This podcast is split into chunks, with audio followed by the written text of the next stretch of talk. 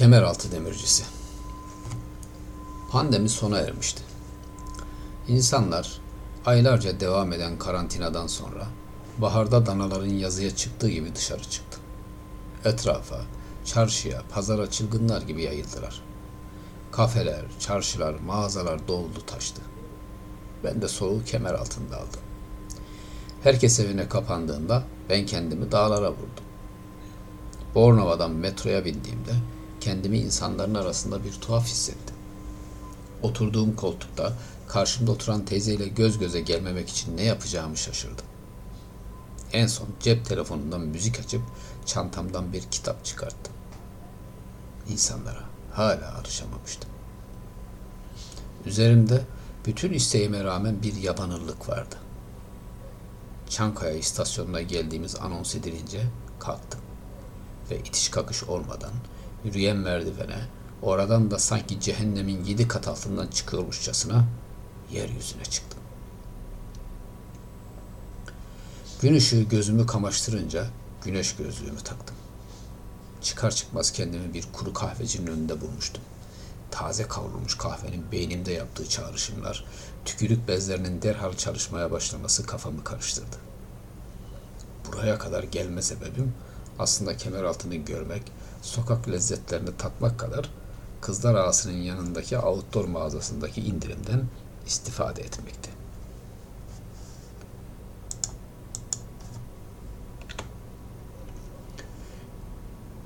Yürüyüş pantolonlarına, polarlara indirim gelmiş.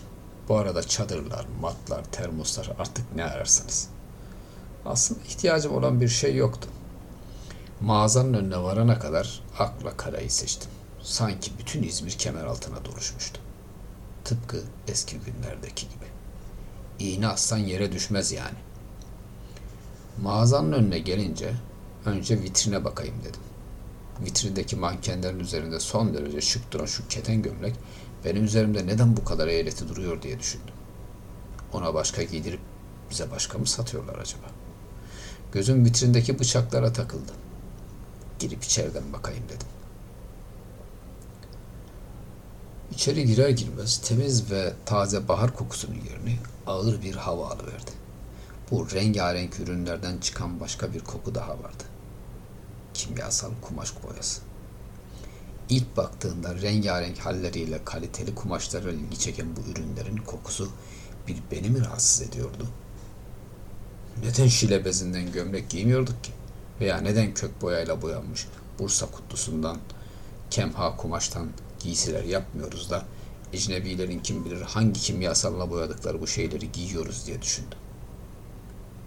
Pandemiden yeni kurtulduk ama korkarım bir başka pandemiye gidiyoruz diye zihnimle hasbihal ederken bıçak reyonunun önünde buldum kendimi.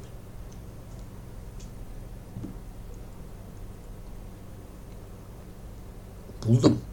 Çünkü kendi irademle değil, sırf insanlara değmemek için boş yerlere ilerleyince buraya gelmek zorunda kaldım.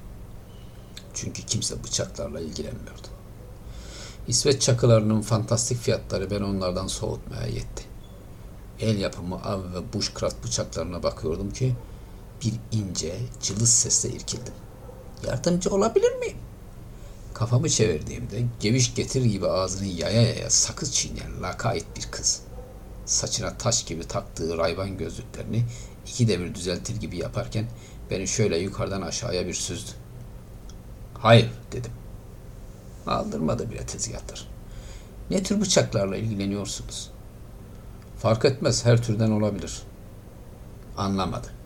Yani çakılarla mı yoksa tek namlu bıçaklarla mı diye sorunca dövme çelik var mı diye sordum gıcıklığına. Tınmadı. Olmaz mı dedi eğildi tezgahın altından kimisi kadife kaplı kimisi metal şekilli afilli kutular çıkarttı. Kutuları teker teker açıp bıçakları gösteriyordu. Bu yakut bıçağı, çeliği elmastır. Bu ise film bıçağı, sapı geyik boynuzu, çeliği paslanır siyah çelikten diye saymaya başlayınca ümitlendim. Nicedir bir film bıçağı almak istiyordum. Çok pahalı oldukları için alamamıştım. Belki indirimde ucuza gelir diye fiyatını soracak oldum.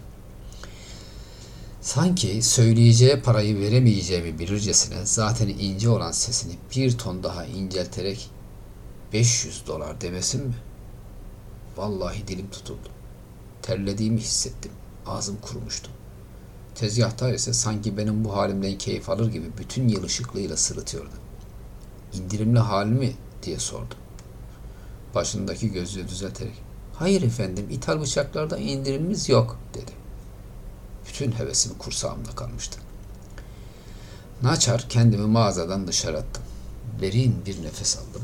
Kalabalığı yara yara, hoppaya sıçraya Kestane Pazarı Camisi'nin önünden ara sokağa daldım.